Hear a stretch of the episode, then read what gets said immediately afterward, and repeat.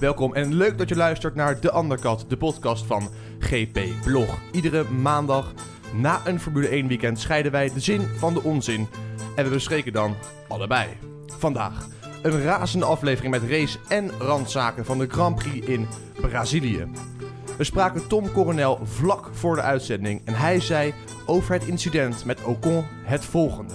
Weet je dat verhaal, you fuck me, I fuck you, weet je. Even elkaar tegenkomen. We hebben gewoon een bepaalde felheid naar elkaar toe en die geven elkaar geen cadeautjes. Ja, we spraken met Tom ook nog over marketing, muppies, over olifanten en nog heel veel meer. Dat dus zometeen, maar nu eerst ons vaste panel. Jongens, het is al de vijfde keer inmiddels, maar jullie leven nog steeds. Het vaste panel Thierry, Sebas en David. Jongens, het kampioenschap is al voorbij. Eh, jullie hebben er nog steeds zin in, wel? Altijd, tuurlijk. Ja, ik kon de motivatie nog wel opbrengen om te komen vandaag. En na afgelopen race is er natuurlijk genoeg om uh, over te praten. Ja. Cher, ben jij wakker of ben je überhaupt nou, nou, nu je het zegt, nu je het zegt, ben ik er weer bij. Ja, ik ben er. Ik ben er. Nee, gelukkig. leuk. Aflevering 5 alweer. Het is bijna een kwart van het Formule 1 seizoen wat we er al op hebben zitten. Sebas, wat viel jou op deze week? ik denk dat er wel één ding uitsprong. En dat was natuurlijk wel de portradio van een pisnijdige Verstappen. Ja, dat, eh, Hebben we die paraat staan of niet? die hebben we heel toevallig klaarstaan. Ja, God, laten we even zo. luisteren. There, I know what to say. I hope he, I can't find him now in the paddock because then he has a fucking problem. What a dick. En, Ja. dat, en dat hebben we gezien ook. Nou, daar gaan we het zo meteen maar over hebben, jongens. Cher, jij hoorde ook iets opmerkelijks deze week. Ja, dat was dit keer eh, Vettel. Die, eh, dat was geloof ik tijdens VT2. Die eh, vond iets in zijn cockpit. En eh, nou ja, goed, moeten denk ik maar even luisteren. So repeat, there's something loose between my legs, apart from the obvious. so something flying around my feet. okay, copy. Yeah. Yeah. Around my feet. I mean, I'd be proud if it was what you think it is, but it's not. Uiteindelijk Ja. bleek het een boutje en een eekhoorn te zijn. Dus ja, Een eekhoorn. Een eekhoorn? ja dat is wat ik heb Tussen gelezen. benen. Een eekhoorn. Dat is toch verboden? Nee. David, we hebben het even over Con en over Max Verstappen. Volgens mij begreep ik in de wandelgang dat jij ook een andere beunhaas vond Ja. gisteren. Absoluut buiten Ocon vond ik Alonso ook weer erg vervelend. Ik heb ook het idee dat hij er gewoon geen zin meer in heeft. Een beetje ophouden, niet aan de kant gaan. Een eh, verdiende straf ook. Ja, een penalty voor Alonso. Die Ja. overigens weinig eh, ter zake doend is. Want hij heeft natuurlijk twee strafpunten gegeven op zijn licentie. Maar hij race natuurlijk maar één race nog. Ik snap niet dat hij eh Lando Norris eh, dat plekje alvast geeft. Ik snap niet waarom hij dat niet doet. Ja, hij kan meteen plaatsmaken, wou je zeggen. Ja, precies. We gaan het zo meteen allemaal over hebben. De nabeschouwing van het spektakel in Brazilië. Maar nu eerst het nieuws van deze week. Sebas, jij speurt elke week als een Sherlock door het Europese nieuws. Wat moeten we weten? Waar moeten we wezen? En wat moeten we lezen? Nou, Maurits, ik denk dat we eigenlijk vandaag moeten gaan beginnen met de buitenlandse pers over het, eh, ja, het incident tussen Ocon en Verstappen. Mercedes heeft natuurlijk wel eh, de titel gewonnen in eh, Brazilië. Maar het moment van de race was toch denk ik eigenlijk wel de clash tussen Verstappen en Ocon. Dus om maar te beginnen, de Duitse media, Automotor und Sport schrijven... Ocon verpest Verstappenfeest in Brazilië. De droom van Max Verstappen barstte uiteen. Esteban Ocon wilde zich ontdoen van een ronde achterstand en knalde de leidende Red Bull van de baan. Op de boordradio was er gevloek te horen aan de kant van Verstappen en hij liet tevens zijn middelvinger zien aan de Fransman, terwijl Lewis Dank Hamilton hier dankbaar gebruik van wist te maken. Toch Ja. wel mooi trouwens, dat Duitse media dan dus het heeft over de race van Verstappen... terwijl een Duits merk wereldkampioen Precies. wordt voor de vijfde keer. Nou ja, en dan eigenlijk nog opvallender is eigenlijk weer eh, de Italiaanse media, La Gazzetta dello Sport. Die waren de vorige keer ook al vrij positief over Verstappen, als jullie het nog weten. Nou, die schrijven nu, Hamilton wint in Brazilië, maar Verstappen stilt de show. Kan niet zijn zak zeker. Nou, Zeker. sowieso de hele tendens van het artikel was vrij pro-Verstappen. Beetje alsof hij voor het Italiaanse team van Ferrari reed. Nou ja, ik, Opmerkelijk ik zal positief. hier een kort eh, stukje voorlezen. In de openingsfase wist Verstappen de beide Ferrari-coureurs letterlijk op te eten. In ronde 10 lag de Nederlander alweer op de derde plek. En via een meesterlijke actie pakte hij aan het eind van de start-finish de bolide van Bottas. Nou, wat, wat leuk is om te zien, eigenlijk lijkt het een beetje alsof Vettel een beetje naar de uitgang wordt geduwd. En Max, die wordt een beetje naar Ferrari toegetrokken. Precies. Maar Leclerc, het grote talent dat daar volgend jaar gaat rijden, daar eh, hoor ik nog niet echt heel veel over. Die deed overigens niet slecht, hè, P7. Nee. Nee, Goed, absoluut niet. of absoluut the rest was hij. Ja, ja, daar gaan we het zo- zo meteen meer over hebben, jongens. David, jij hoorde veel dichter bij huis ook groot nieuws. De Grand Prix op Zandvoort in 2020, daar eh, is een grote hype over natuurlijk nu. En ik heb Prins Bernhard eh, met een reportage van eh, GP-blog al eerder gesproken, bij de Jumbo Race Dagen.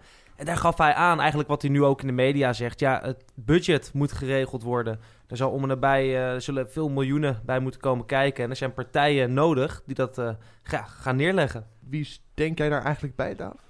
Wie Ik- zijn, wie zijn de gegadigden daarvoor? Ik hoop Heineken bijvoorbeeld als sponsor. En Shell die heeft aangegeven dat ze willen steunen. Nou, de overheid natuurlijk. Maar al met al zou het heel goed zijn voor, voor Nederland als er een Grand Prix komt. Want als je zag hoe het liep met de Jumbo race dagen, het was zo druk. Grote tierenlier. En een Ja. echte Grand Prix, dat wordt alleen nog maar drukker. Dus dat zou super mooi Ja, zijn. ik vond bij de Jumbo race dagen toch al dat ze het eh, redelijk goed wisten te coveren qua traffic. Er Absoluut. waren al iets van 100 100.000 man of zo die Mhm, over drie dagen naartoe kwamen. Nou, met de Grand Prix zal het iets meer zijn, maar ze hebben op zich al redelijk bewezen dat ze het aankonden. Ja. Daarover gesproken, jongens. Er zijn heel veel eigenlijk negatieve reacties gekomen op Zandvoort. Dat het inderdaad allemaal niet kan, dat het een geldverspilling is, dat het slecht is voor het milieu. Hoe kijken wij daarnaar? Een beetje vermoeiend. Ik bedoel, ik denk dat we eer, als allereerste gewoon heel erg blij moeten zijn dat er een, eh, potentieel weer een Nederlandse Grand Prix op de kalender Ja. kan staan. En of het nou uiteindelijk op Zandvoort of Assen is. Zandvoort heeft die historie, maar Ik moet wel even inbreken, want ik, ja, doordat al het race, het is wel heel slecht voor alle zandvliegen daar. Ja, absoluut. Helemaal mee eens. Ja. Je, ziet toch, je ziet toch liever een zandvlieg dan een van Max Verstappen. Zeker. Toch Daar zijn wij het over eens. Nee, maar Daarom kijk- werken we ook voor GP-blog. hou... te maken. Ik, Dus, ik denk persoonlijk dat er gewoon achter de schermen gewoon iets aan de hand is waar we eigenlijk helemaal nog niks van weten. Dat- Misschien gaat het circuit wel groot veranderen. Zandvoort is eigenlijk als enige heel geheimzinnig. Ja, Zandvoort is natuurlijk gewoon een prachtige locatie. En ik denk voor de Formule 1 zelf ook interessanter. Eén vanwege die historie en twee, ligt dicht bij Amsterdam. Wat Sebastiaan zei, hè, geheimzinnig, inderdaad. Want we kregen al een t-shirtje met de Jumbo race dagen. Vloog helikopters, Formule 1, of Grand Prix Zandvoort 2020. Ja. Dus wat Sebastiaan zegt, eh, sluit ik me inderdaad bij aan. 2020 Zandvoort. Dat, eh daar vestigen we onze hoop op, jongens. Tjer, jij hebt ook nieuws van een circuit iets verder van huis. Ja, vorige week werd bekend dat de Formule 1 eh, toch naar Vietnam zal vertrekken in 2020. Het was natuurlijk al langer gaande tijdens eh, het Bernie Ecclestone eh, tijdperk. Was er ook al, of werd er ook al over gesproken dat, ja, dat Heineken eigenlijk voornamelijk die toen als titelsponsor toetrad. Die wilde heel graag de Formule 1 naar eh, Vietnam trekken. Nou, dat is nu dus blijkbaar ook gelukt. Hanoi is dus de volgende bestemming in, eh, in 2020. Nieuw stratencircuit, veel lange rechte stukken. Ik vond het vooral wel bijzonder om te zien dat... eh, we hadden natuurlijk Baku sinds 2016... En, die krijgt echt qua rechte stukken wel concurrentie nu in Vietnam. Een een rechtstuk van 1,5 eh, kilometer. In eerste instantie iedereen is heel negatief over het circuit. Veel te veel lange rechte stukken. Maar als we kijken naar Baku... Eerste editie was gewoon helemaal, eh, helemaal ruk eigenlijk. En als we kijken naar editie 2 en ook dit jaar... was dat toch alweer een van de meest spectaculaire races eh, van het seizoen. Tenminste, hij staat hoger op mijn lijstje. Dus eh, ja, hopelijk dat eh, Vietnam hetzelfde kan evenaren als Baku. Ja, dat zou mooi zijn. We weten in elk geval met de nieuwsrubriek dat we uit kunnen kijken naar veel nieuwe circuits. Dicht bij huis Zandvoort eventueel en dus verder bij huis in Hanoi. Zometeen gaan we nabeschouwen met allereerst de vliegende ronde. Ja, iedere week mag een van onze gasten een statement maken of een aspect uitlichten, een pleidooi houden. Iets dat opviel aan de race en dat nadere duiding verdient. Er zijn eigenlijk weinig regels, maar er is er wel één en dat is meteen een gouden regel. Namelijk dat de spreektijd precies zo lang is als de tijd die nodig was voor de pole position. Dat is deze keer nou ja, eens te meer van Lewis Hamilton. Een tijd van een hele snelle tijd. 1 minuut 7 seconden en 281ste van een seconde. Het woord is aan David. Ik ga mijn best doen. Heel veel succes. Je tijd gaat nu in. Niet de spannendste start, maar wel een interessante. Bottas had een goede start op een zachtere compound dan de Ferraris. En had Vettel eigenlijk in bocht 1 al meteen te pakken. Max Verstappen zat ook meteen naast Raikkonen en zat ervoor. Maar op het lange rechte stuk was de Ferrari met een, sterk, met een sterke krachtbron aan het lang, was het Ferrari met een sterke krachtbron die aan het langste eind trok. Buiten dat was de start van Ericsson niet om over naar huis te schrijven. Volgens mij ook de eerste keer dat hij op gebruikte banden moest starten. De twee. Renaults lagen ook nog even met elkaar in de clinch. In rondje 3 was het zover. Max had Raikkonen in bocht 1 buiten om te pakken. In ronde 4 kwam de andere Ferrari aan de beurt. Deze keer niet via de buitenkant, maar aan de binnenkant. Half minuut. Daniel Ricciardo liet ook weer zien dat hij fantastisch kon inhalen en het uitremmen echt zijn specialiteit is. In ronde 10 was het een Nederlander die Bottas wederom was het, was het een Nederlander die Bottas die wederom teleurstelde voorbij ging. 45 seconden. Lewis kwam in rondje 19 de pits in. De Red Bulls reden allebei een stuk langer door op dezelfde compoundband. En in rondje 40 was het zover. De Nederlander passeerde wereldkampioen Lewis 10 Hamilton. Die zich na één tegenaanval moest neerleggen bij de pace van de Red Bull. Maar toen, na vier rondjes aan de leiding, was het de achterblijver Ocon die Max Verstappen uit de race reed. De Nederlander had veel schade en wist toch nog een. Jammer! Ah, net niet. Ja, je hebt net niet gehaald. Jij stipt wel heel veel aan. En gelukkig kunnen we daar nu langer bij stilstaan, want we gaan naar de nabeschouwing. Jongens, een soevereine zege, een aanvaring met Ocon, het kampioenschap van Mercedes. Eigenlijk alle punten die David net wel, moet ik zeggen, in bewonderenswaardige snelheid benoemde. Petje af daarvoor, David. Je hebt het niet gehaald, maar ik vond het een knappe poging. Laten we beginnen bij... Nou ja, laten we beginnen bij het begin, jongens. Het ging allemaal heel goed aan het begin voor Max. Hij eh, had ongeveer alles en iedereen dat vorm staat in. Hoe keken we daarnaar? Hoe het beleefd? Fantastisch. Hij had gewoon een goede start. Zat meteen voor Rijkonen. Ik had het wel verwacht dat Rijkonen op het rechte stuk meteen zou terugkomen. Daar kon, dat Max ook gewoon, ja, daar kon Max ook gewoon niks aan doen. Mhm. En vervolgens ja, ging die overal best wel gewoon op een hele mooie, clean manier ook langs. Vooral, ik had wat meer agressie in de inhaalacties verwacht. Dat hij echt eh, iemand wat meer naar de buitenkant zou duwen. Dat deed hij uiteindelijk wat eh, later in de race misschien wel een beetje. Maar nee, super knap. Echt heel erg goed gedaan. Toch met minder eh, topsnelheid. Hè. Je zag het verschil wel heel duidelijk. Cher? Max die benutte gewoon compleet het potentieel van zijn wagen in de bochtige sectoren. Waardoor hij gewoon heel dicht, zeg maar voor de rechte stukken in de slipstream en in de DRS van, eh, ja, van Ferrari en Mercedes kon komen. En dat heeft er uiteindelijk ook voor gezorgd dat hij die inhaalacties gewoon kon plaatsen. Zeker gewoon ook op zachtere banden was die Red Bull gewoon weer fenomenaal. Ja, nee, en dat zag je natuurlijk ook bij Daniel Ricciardo. Ik bedoel, die moest toch wel vanaf het middenveld eh, was hij naar voren aan het rijden. En dat deed hij toch bijzonder goed, kunnen we wel zeggen. absoluut. Nou ja, daarover gesproken, jongens. Hij valt nu eindelijk een keer niet uit. Hè. Hij is nu acht keer uitgevallen. Dan uiteindelijk wordt hij vierde. Zitten volgens mij al twintig rondes klem achter, eh achter Rijkonen uiteraard. Net niet door het podium. Stemt dat tot tevredenheid of had er meer in gezeten? Ik denk dat er meer in gezeten had. Hij natuurlijk ook last, zoals iedereen hoor. Maar van de achterblijvers, dat, is, dat was echt... Ik vond het echt heel vervelend om te zien, deze race. Maar ik denk dat, ja, Ricciardo, die had gewoon die P3 sowieso kunnen halen. Jongens, wat, wat viel verder op aan de race? Eh, de, de beide Renaults, die hadden nog eventjes een eh, ja, mooie aanvaring met elkaar. Het moet, deed mij een beetje denken aan Perez en Sirotkin in Singapore. Die, eh, dat, de instuurbeweging van, van Perez. En Sainz deed hetzelfde naar Hulkenberg. Ik denk, hé, wat gebeurt hier nou? Twee teamgenoten zelfs. Maar Ja, maar dat was te gek. Dat was te gek dat ze ook gewoon... dat, ja, ik weet, je weet uiteindelijk niet of Renault uiteindelijk heeft ingegrepen. Want Hulkenberg moest wel de pitch in. Maar Ja. het was inderdaad wel prachtig om te zien. Vooral tijdens die beginfase inderdaad. Dat die gewoon lekker met elkaar aan het knokken waren. Het Dat ging was op het nippertje goed, hè? zo... Ja. Wheel to wheel was het. Sainz verremde zich ook nog eventjes daardoor. Hè, Ja, door zijn dat- eigen agressie. Dat is wel wat je gewoon wil zien. Ik bedoel, vooral dit jaar gewoon Brazilië. Als je dat vergelijkt met vorig jaar. Het was nu gewoon echt waanzinnig veel actie. Ja, Leuk ja. om gewoon weer te zien. Het was echt weer een ouderwets potje lekker racen. Spas. Ja, nou wat mij ook eigenlijk opviel, de Eh, teamorder. Ik weet niet of het jullie ook is opgevallen. Maar dat was toch Rijkonen Ja, die er ja. ineens eh, langs Bizar. Vettel werd gelaten. Ja. Dus ja. Ja, hoe, hoe pijnlijk is dat? Je bent dus een titelkandidaat. Dan vervolgens start van P2. Je eindigt op P6. En je moet even je teamgenoot Maar er Vettel, langs laten. Vettel had de pace niet. Vettel had, dat zagen we denk ik allemaal wel. Vettel had gewoon de pace niet. Maar het kan ook een dat? probleem Ja, zijn met de auto. Het kan een probleem zijn met de auto. Ik denk niet dat het aan hem ligt, zelf mentaal. Want als je het hele seizoen bekijkt, is Rijkonen over het algemeen minder snel dan Sebastian Vettel. Dus ik denk, ja, ik denk dat het toch een probleempje is geweest met de auto. Ook omdat hij toch nog een keer die tweede stop ging maken. Hè, ehm, Ja. Om voor Bottas te komen. En dat wil ik trouwens ook nog even benoemen. Ik vind die Bottas, hoe die weer heeft gereden. Het is echt een drama. In tegenstelling tot zijn teamgenoot. Die wel wereldkampioen wordt. Die wel iedere week, ook al heeft de auto het moeilijk, wel een wereldprestatie neerzet. Die Bottas, ik vind het een schande dat die voor Mercedes Ja, rijdt. ik vind het Echt. leuk dat we ja. het er weer over hebben. Want volgens mij heb ik vorige week gezegd van... Goh, eh, Bottas moet weg. En we moeten ook doorschrijven. Ja, dat is nu misschien anders. Nou, hoe Ja, denk ja, jij helemaal nu- nooit meer? Hoe denk jij daarover, David, na Nee, afgelopen nee, weekend? Nee, die Ocon, daar ben ik helemaal klaar mee. Dat is echt niet omdat ik... Mag je me een oranje bril of wat dan ook, mogen we mij gaan noemen. Maar als dit bij Lewis was gebeurd of bij Vettel, dit kan echt niet. En dan, ja... De mensen die zeggen, ja, dit en dat, Max had meer, eh, Max had meer te verliezen. Hou alsjeblieft op, dit hoort niet te gebeuren. Misschien dat eh Ocon even sneller was, hè. Het was een half rondje geweest, want in de middensector had Max er gewoon weer achter gezeten. Nee, maar het, het was heel simpel. Die, Ocon, ja, die Ocon die heeft misschien op deze manier wel gesolliciteerd naar een stoeltje bij Mercedes. Welke straf hadden jullie bij Ocon willen zien? Nou, ik denk dat hij wel de zwaarste mogelijke straf heeft gekregen voor tijdens de race. Oh, precies. Ja, ja, oké, je zegt dus- op, op disqualificatie na. Maar goed, aan de andere kant moet je dan ook af gaan vragen. Stel dat was Verstappen gebeurd. Twee jaar geleden, terwijl, of drie jaar geleden toen nog voor Toro Rosso reed.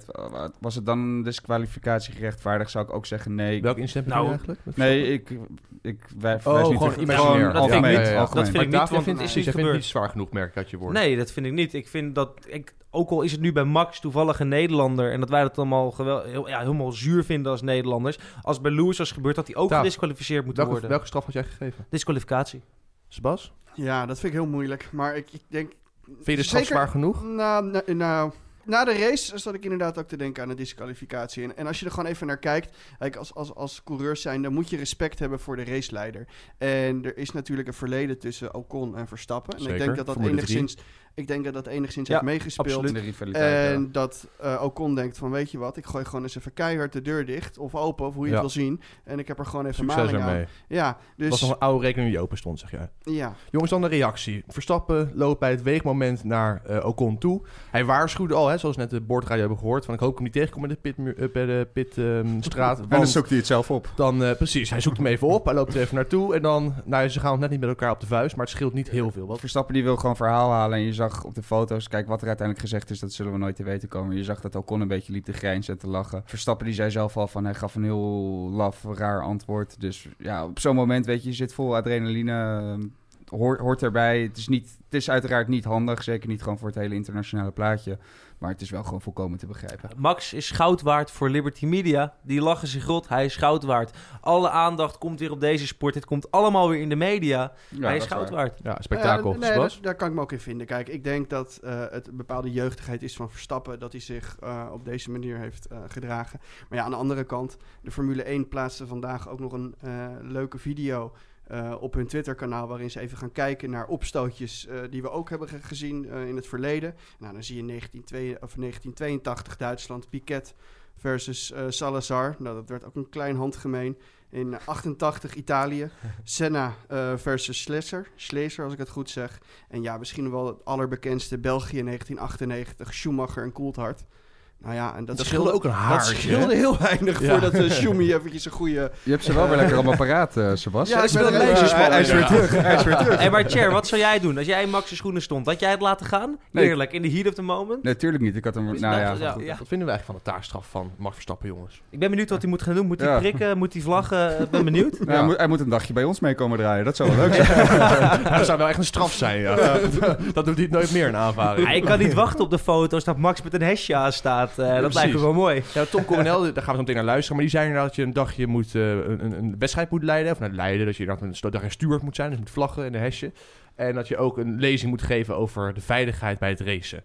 En Zo. Tom zei dat valt goed te overzien. Dus Ja. geen, eh geen enorm Enkele beweging in het remmen. Dat is kan geen Max alles over vertellen. Ja, daarover later meer jongens. Eh, Tom Coronel. Tot slot, want je zou het bijna vergeten in al het geweld tussen Ocon en Verstappen. Maar er is ook nog een team kampioen geworden gisteren. Mercedes, voor de vijfde keer achter elkaar wereldkampioen. Dat was niet helemaal een verrassing meer, denk ik. Fantastisch. Pure dominantie de afgelopen jaren. Twee verschillende wereldkampioenen. Eh, Rosberg en voor de rest alles naar Hamilton. Ja, Mhm. niemand is beter, zeg maar. Is er Ze- iets op af te dingen, jongens? Nou ja, ze, ze, ze hebben het compleet verdiend. Ze hebben dit seizoen natuurlijk gewoon optimaal geprofiteerd van de fouten van Ferrari.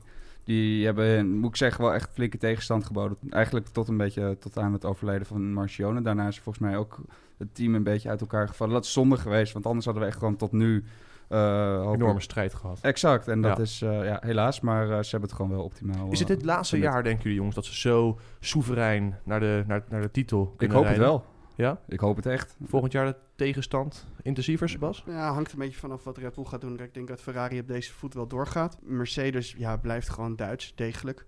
En zal ook gewoon doorgaan. Dus ik denk dat de weerstand echt vanuit Red Bull moet gaan komen. Kijk, je hebt afgelopen weekend gezien dat het chassis gewoon van die RB14 heel erg goed is. Nou, dat gaan ze alleen maar doorontwikkelen voor die RB15. Dus het wordt heel interessant eh, wat Honda gaat doen. En wat ze deze winter nog weten te realiseren. En of ze wat, eh, wat meer pk's achterin hebben liggen. Jongens, daar gaan we het bij laten. We gaan natuurlijk wel even kijken naar wat onze lezers ervan vonden. En dat bespreken we elke keer bij de stellingen. We leggen lezers iedere week op onze site drie stellingen voor. Eh, de stelling van vrijdag, zaterdag en zondag. En we bespreken deze week de mooiste reacties. Sebastian maakte voor ons een selectie. Ja, dat klopt. Nou ja, we hebben nu eigenlijk gekeken naar, er was zoveel te doen om de race, naar de stelling. Wat vonden jullie van de race? Eh, ik heb even een selectie gemaakt. Eh, beginnen we met V33 met 43 upvotes. De race waarin Hamilton een voorbode kreeg van wat hem volgend jaar te wachten staat. Vind ik mooi Nou, worden. hij, ja, precies, hij doelt dan op de tegenstand van Red Bull natuurlijk. Exact. En, en, en dus ook dan dat Ferrari een beetje achterblijft. Misschien. Want die ja. kwamen niet goed voor de dag. Nou, misschien moeten we het aan V33 gaan vragen. Ja, V33 laat je horen. Ja. Ja. Wat nog meer, Sebas? Wat heb ik nog meer opgeduikt? Ja, eh, JSC met 612 upvotes zei... Ocon heeft, het hier, heeft hier laten zien dat hij niet klaar is voor Mercedes Formule 1 team... en dat Max een betere keuze is voor de Silberpfeilen. Of juist wel, hè? zoals Nee, eh, ik ben- Cher suggereert. Ben ik het niet helemaal mee eens. Ik bedoel, Ocon is natuurlijk ook gewoon een fantastisch scorer met een aardig track record. Die maakt nu een keer een fout. Ja, tot slot eh, hebben we nog een reactie van Formule 1 met 8 upvotes. Dat is denk ik nog een jonkie op de site. Zijn reactie is... eh, Hamilton heeft Verstappen laten zien hoe je het hoofd koel moet houden... totdat je de zwart-wit geblokte vlag bent gepasseerd. Deze race moet een belangrijke les zijn voor Max. Ik hoop dat hij stopt met alle negati- negativiteit naar Ocon toe... en de handen in zijn eigen boezem steekt. Ik ben er verder van overtuigd dat ze bij Red Bull de Renault-motor zullen gaan missen volgend jaar. Klagen over de motor hoor je ze in ieder geval niet meer. Ik denk dat ze van deze move spijt zullen krijgen. Met de overtuiging dat ze volgend jaar voor de titel zullen gaan, leiden ze aan overschattingswaanzin. Ze mogen al blij zijn als ze komend jaar hun positie kunnen handhaven. Nou, Nou, een Oké. Ik hou mijn mond. stelling. Ja, David hou- houdt zich wijselijk van commentaar. Ja, dit is duidelijk eh, iemand die de oranje bril absoluut niet op wil Nee, hebben. en die wil nee. hem het liefst zo, zo ver mogelijk van zich Misschien is de afhouden. stomme Nee, van nee. Doorn fan, een Belg. Nee, ik, ik, ik, ik hoop dat hij ongelijk heeft. Ik hoop, eh, ik bedoel, de Honda-motor die heeft zich op zich dit seizoen- of eh, afgelopen race eh, redelijk laten zien. Ik bedoel, Pierre Gasly wist door te komen naar Q, eh, Q3. Toch redelijk eh, motorintensief circuit. Laten we hopen dat dat in ieder geval een goede basis biedt voor volgend seizoen. En dat kampioenschap, of we daar kunnen voor strijden, weet ik niet. Maar laten we het aan, eh, aankijken. In ieder geval goede hoop erin houden. Precies, daar gaan we bij laten, jongens. Laten we onze lezers heel hartelijk danken voor alle reacties. Aan hen zou ik willen zeggen, blijf vooral schrijven en reageren. En wellicht bespreken we jouw opmerking volgende keer. Dus na de race in Abu Dhabi. Wij gaan een kleine stap van de reaguurders naar de expert. Kijken of onze eigen kenners er net zo over denken als de echte kenner. We gaan luisteren naar Tom Coronel. Het maffe was, Tom, jij voorspelde van tevoren als een van de weinigen dat Max het beste zou zijn in Brazilië. En dat eigenlijk alleen Hamilton het gevecht met hem aan zou kunnen. En dat klopte wel. Eh, hoe Ja. kon Red Bull zo snel zijn? Ja, weet je, dat, dat, op een gegeven moment heb je, dan zit je in een bepaalde flow. En dan zie je dat zij dingen doen tijdens de races die anderen niet doen. En dan heb ik het over het bandenmanagement. Eh, ik bedoel, kijk, het is goed om een rondetijd neer te zetten. Maar als je in de race heel slim kan zijn en constant kan zijn en heel voorzichtig kan aanvallen, dan werkt dat ook. En eh, dat is wat je ziet bij de Red Bull. En met Max. Max is gewoon heel goed voor zijn banden. Ja. Waardoor hij net even wat, wat soepeler rijdt. Wel snel, maar minder fel aan het stuur trekt. En wat minder fel van de achterkant vraagt. Goed aan de binnenkant komt. Dat zag je ook. Dat hij heel mooi aan de binnenkant kwam en rechteruit. Ja, dan, eh, dan spaart hij zijn banden wat meer. En daardoor kan hij het langer volhouden. En dan kunnen ze de strategie toepassen. Dus de banden waren de sleutelfactor voor het succes in Brazilië, volgens jou. Absoluut. Toch- de combinatie van Max samen met de banden. Je zag dat Hamilton eerder naar binnen moest om de banden te wisselen. Dat ze expres een paar rondes wachten dat, dat Hamilton's banden weer iets minder werden. En toen zijn ze Max gaan wisselen. Ja, toen kon hij de aanval inzetten. Ja, een heel bewuste strategie. Hele bewuste strategie. En dan heel rustig blijven en dan constant naar hem toe rijden. Heel voorzichtig. Heel stukje voor stukje, stukje voor stukje. Weet je, dan, dat is dat verhaal van hoe eet je een olifant. Je kan geen olifant eten. Dat is wel waar. Je kan een olifant eten, maar het is stukje voor stukje. Precies. Alle kleine stukjes. Het is toch opmerkelijk, Tom. Want als je het nu vertelt, klinkt het allemaal hartstikke logisch. Maar van tevoren had Max Verstappen het zelf niet verwacht. Helmut Marko verwacht het niet. En jij wel. Hoe kan dat? Hoe wist jij het nou van tevoren dat Max daar zo goed zou doen? Ik, weet je, ik denk dat ik dingen wat eerder durf te zeggen dan iemand anders. Ja, dat, dat is, in dit geval is dat ook zo. Nou, daarover gesproken, je zei ook Vettel dat wordt knekkenbreud voor Max in Brazilië. En inderdaad, als we dan kijken naar het resultaat, eh, Tom, hij, gaat, hij start van P2, hij eindigt P6. En hij moet ook nog eens een keer zijn teamgenoot Rijkonen voorbij laten. Terwijl hij natuurlijk eigenlijk een titelkandidaat was. Hoe keek jij daarnaar, naar die misschien, Nou, mogen we weet zeggen, ik- pijnlijke ik, ontwikkeling? Ik kijk naar personen, hoe personen zich, eh, wa- wa- wat een bepaalde basis is. Ik zie bij Vettel momenteel geen basis. Ik zie het fluctueert te veel. Ik zie een bepaalde agressie in hem. Ik zie een bepaalde frustratie in hem. En ik zie geen bepaalde concentratie in hem. Die, Max, die nu bijvoorbeeld wel bij Max zie. Max is heel voorzichtig zijn prooi aan het analyseren en dan aan het opeten. En, eh, en Vettel is gewoon paniekvoetbal. Het, het ziet er gewoon niet stabiel, mooi en voorzichtig uit. Wat zou die basis moeten zijn? Is dat sta- stabiliteit en voorzichtigheid, Tom? Ehm, eh, focus. Focus, concentratie. Nou, als we het daarover hebben, kunnen, we- kunnen we ook naar Ocon. Tom, over focus en concentratie gesproken. Dat cruciale moment met Max. Die, die twee kennen elkaar uit de karts, die twee kennen elkaar uit de Formule 3. Het is, het is, eh, weet je dat verhaal, you fuck me, I fuck you, weet je wel. Mhm. dat, dat, die, die blijven elkaar tegenkomen. Die, die, die, die, die hebben gewoon een bepaalde felheid naar elkaar toe en die geven elkaar geen cadeautjes. En dan hoef je geen cadeautjes te geven. Maar als je een ronde achter ligt, dan doe je dit, dit soort dingen normaal gesproken niet. Nou, die deed hij wel. En dat betekent dus dat daar, daar, daar, zit een kink in de kabel. Daar klopt iets niet. Nou, en ik, dat heeft met de historie tussen die twee te maken. Nou, jij, zegt, je zei bij Ziggo gisteren, eigenlijk komt Ocon nog goed weg met de reactie van Max na afloop. Ja, ik had hem de grond laten kussen. Weet je, kijk, het is adrenaline eh, gewoon helemaal, ik bedoel, d- door het dak heen. Ja. Ja, weet je, dan, dan, dan, dan ben je fel. En dan ben je feller dan wanneer je er ook bewust over nadenkt. En ik vind ook, die strijd moet je er een beetje in laten. Ik bedoel, anders wordt het helemaal marketing muppets. Ja. Ik bedoel, je moet wel de natuur zijn gang laten gaan. Als iemand vervelend is, dan geef je hem een setje. Als iemand jou pijn heeft gedaan, dan geef je hem een klap op zijn bek. Weet je, dat is nou eenmaal, dat is de natuur. Ja. Dat is de natuur, daar kan je niks aan doen. Hoe- Weet je, en, en, en ik vind dat ze dat eh, tegenwoordig een beetje te veel aan het onderdrukken zijn. Hoe kijk jij dan naar de taakstraf van Max? Want hij wordt dus weer gestraft. Jij zegt dan eigenlijk is een heel logische reactie. Ik heb ook een taakstraf van de VIA gehad. Dat is even, dan moet je even een beetje vlaggen bij, eh, bij de marshals. En, eh, en, en dan moet je even een keertje een lezing geven voor de VIA voor road safety. Weet je, dus Ja. kunnen ze je eigenlijk gebruik van je maken als commerciële waarde. Wa- Waar krijg jij die straf voor eigenlijk, Tom? Ik kreeg die straf voor toen ik met eh, Ma, die Chinees, eh, Ja. moet maar kijken, kwalificatie Villarreal. Kreeg ik ruzie doordat hij mij mijn kwalificatierondje verkloten. Toen ben ik naar hem toe gegaan. Toen zei ik, I never eat Chinese again. Toen zeiden ze, dat is cri- discriminatie. Toen zei ik, joh, hou nou toch op. Weet je, ze moet af en toe ook een beetje ver weg, hè. Een beetje trekken duwen met rivalen, dat is heel normaal. Als we naar de andere Red Bull coureur gaan, Tom. eh Ricciardo, die viel dit keer een keertje niet uit.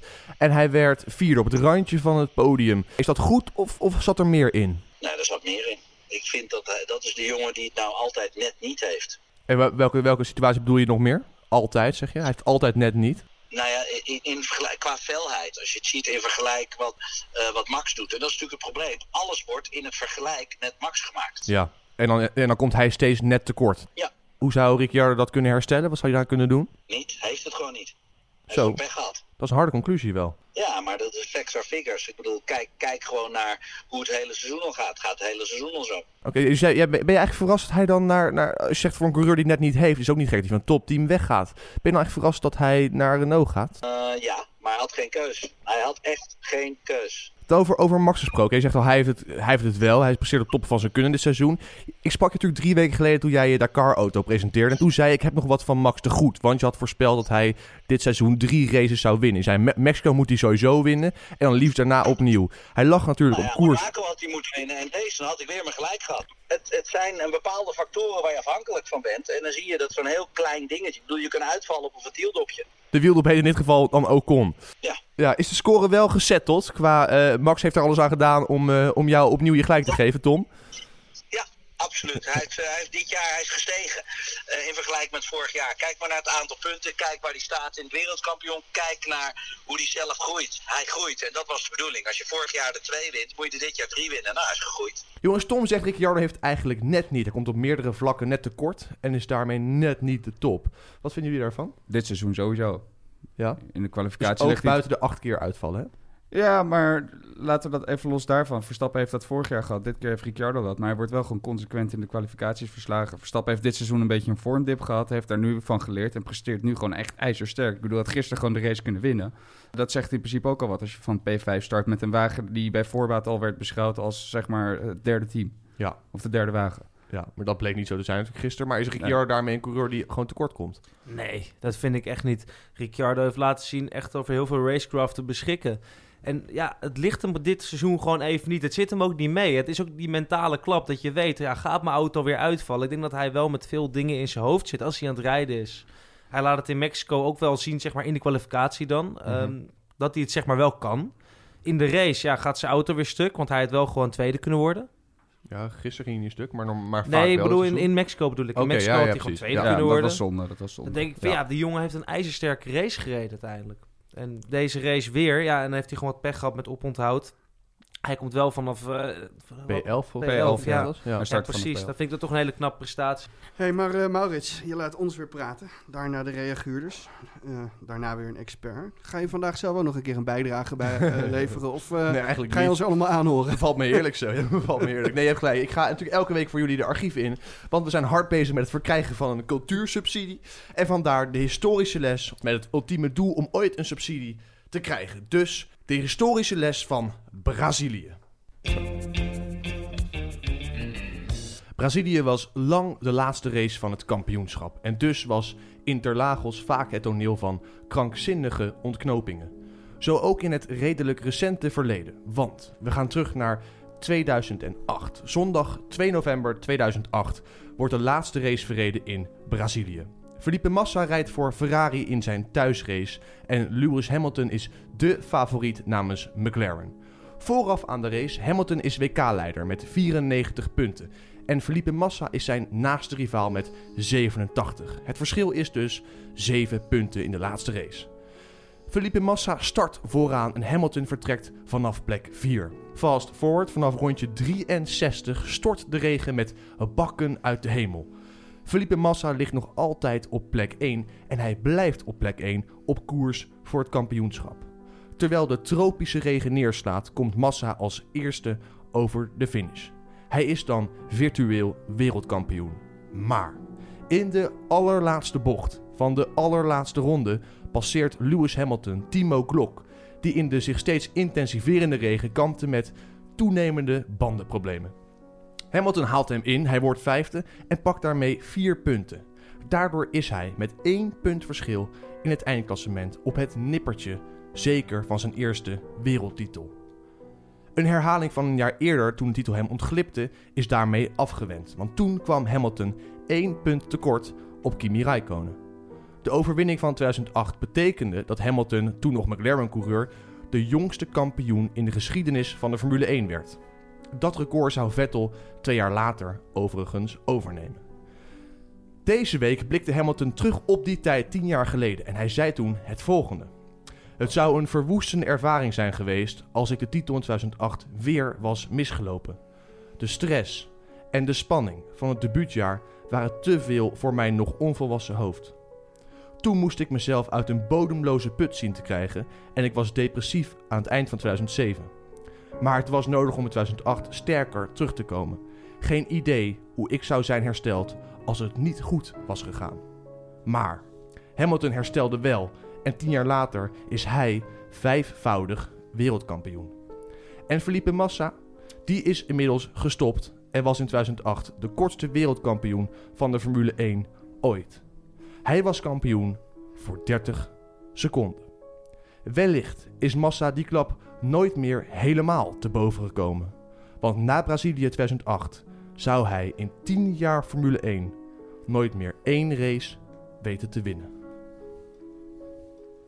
Ja, weer een prachtige bijdrage, Maurits. Het doet me heel erg denken aan wat ik afgelopen weekend zag eh, op de televisie. Toen, eh, volgens mij was het bij de uitreiking na de kwalificatie dat Massa en Hamilton naast elkaar stonden. En je zag daar toch een beetje, ja, die, die, die blik van Massa, dat het hem toch nog steeds best wel pijn deed. Tien jaar later is pijn nog niet helemaal, Nee. nog niet helemaal geleden. Nee, maar wat wil je als je voor 30 seconden wereldkampioen bent geweest en hij neemt het van je af? Ja, in je thuisrace, hè? I- Bij je thuisrace, dat Ja. nota bene, en dat je het vervolgens nooit meer wordt. Ja, en ook dus niet één keer meer een race gewonnen daarna. Hè? Pijnlijk. Dat is toch bizar? Pijnlijk. Ja, dan rij je nog een decennium rond, win je niet één keer. Goed, we gaan naar een nieuwe rubriek, jongens. Want iedere aflevering luisteren we naar de reactie van de week. Wie was deze week onze scherpste reaguurder? Ja, Oeh. Sebas. Wie was de reaguurder deze week? Say my name, say my name. Destiny's Child. Dankjewel. Spannend, spannend. Nou, we hebben even gekeken naar de reacties eh, op de race. En dan was er eigenlijk wel eentje die er uitsprong. Eh, met name omdat hij een misschien wel goed advies heeft voor Max. Dat was Einstein71 met bijna 700 upvotes. Het was, het was een reactie eh, op een andere reaguurder. Maar ik heb even de essentie eruit gehaald. En dat is, heb zeker geen probleem met Max en emoties. Maar wie begeleidt deze jongen? Ik zou ervoor pleiten om Dennis Bergkamp zijn mentor te maken. Deze man heeft veel mean motherfuckers tegenover hem gehad en bleef uiterlijk heel kalm. En tja, Lewis, die vindt zichzelf wel ergens, kan fantastisch sturen, echt waar.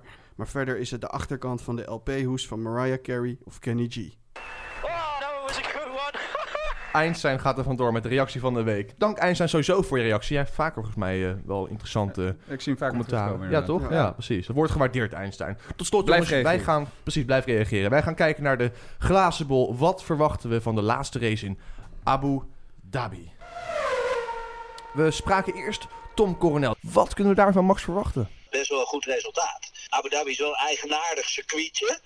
Dus heeft net eventjes wat meer rechte stukken erin. Ik verwacht een P3. Ik verwacht niet dat hij voor de overwinning vecht. Eh, ik verwacht dat hij daar net een klein beetje achter hangt. Ja, jongens, het woord is aan ons. Even een snelle ronde. 1, 2, 3. Sebas, waar ga jij je geld op inzetten? Money, money, money. Must be funny. In the rich man's world. 1 Ehm, Hamilton, 2 Vettel en 3 Bottas. Geen Verstappen. Mm, nee, nee. Nog, nou, ik vind het te moeilijk om dat nu... Om, ik, misschien stel ik hem bij nadat ik de eerste vrijdagtraining eh, heb gezien. Hm. Maar voorlopig denk ik het toch niet. Je denkt dat hij met Ocon eh, gaat vechten voor de verandering. Wie weet, in de ring. Chair? Ik denk één Vettel, twee Verstappen, drie Ricciardo even een keer. Zo, geen Mercedes. En dan zou Vettel Nee, alsnog eh, een beetje met positief En ik vond, einde. ik vond Red Bull verrassend goed in Brazilië. Dat ik denk van, nou, wellicht dat ze in eh, Abu Dhabi ook wat kunnen. Zeker in dat laatste gedeelte waar het echt gewoon krappe bocht is. Dus ik verwacht daar wat van. David, ik zie jou druk knikken, dus je bent het met eens met wat Chair zegt. Ja, absoluut. En warme temperaturen, daar houdt de Red Bull van. Ik denk Lewis 1, Max 2, Bottas 3. Bottas 3. Ja. En Ricciardo? Waarom Bottas? Ricciardo 4. Ja, Bottas, omdat die Mercedes wel... Ik denk dat die Mercedes gewoon heel goed is op die baan. Dat Ja, maar we hebben het net over dat Bottas helemaal niks is. en dan gaan we nu... ja. krant en nu staat Ferrari is klaar. Ferrari is klaar. Nee. En Bottas die gaat gewoon in de kwalificatie staat hij sowieso gewoon denk ik de eerste of tweede startrij voor Ricciardo. En ik denk niet dat Ricciardo eh, hem daar er voorbij gaat. Ik hoop het wel, maar ik denk het alleen niet. Hij gaat weer de wingman uit. Maurits, wat denk jij? Ik denk Hamilton nog steeds 1. Ik denk dat hij onverslaanbaar is. Verstappen 2, inderdaad. Ik denk wel dat de banden het goed houden in de hitte in Abu Dhabi. 3, nou laten we zeggen Vettel. Ik gun het, ik gun het hem wel, toch, moet ik eerlijk zeggen. Hij heeft zoveel geen gekregen dit seizoen. En hij is, ja, weet je, hij is viervoudig wereldkampioen. Dan kan natuurlijk wel iets, weet je wel. Dus Vettel 3. Understatement wel. Hij kan ja, wel iets. hij kan, nou ja, ik heb hem niet heel hoog zitten, die Duitser. Nee, dat, dat, Maar, dat, dat is te werken. Dat is te Jongens, we werken. gaan, daar, we gaan daarbij laten. Dit was de vijfde aflevering van De Undercut. Dank weer aan jullie allen hier natuurlijk. Het vaste panel Cher, Bas en David. En natuurlijk een speciaal woord van dank voor het hele mooie gesprek met Tom Coronel over marketing, muppies, muppies en olifanten. Ik had van tevoren niet zien aankomen, maar we hebben het allemaal besproken. Dus eh, Tom, heel veel dank voor jouw mooie gesprek.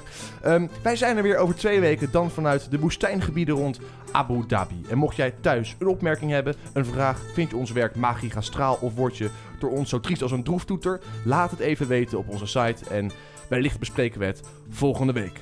Graag tot dan, twee razend mooie en snelle weken gewenst voor nu. En als je ook kon tegen het lijf loopt, ram die roze koekwous dan vooral namens ons even op zijn neus. Tot over twee weken.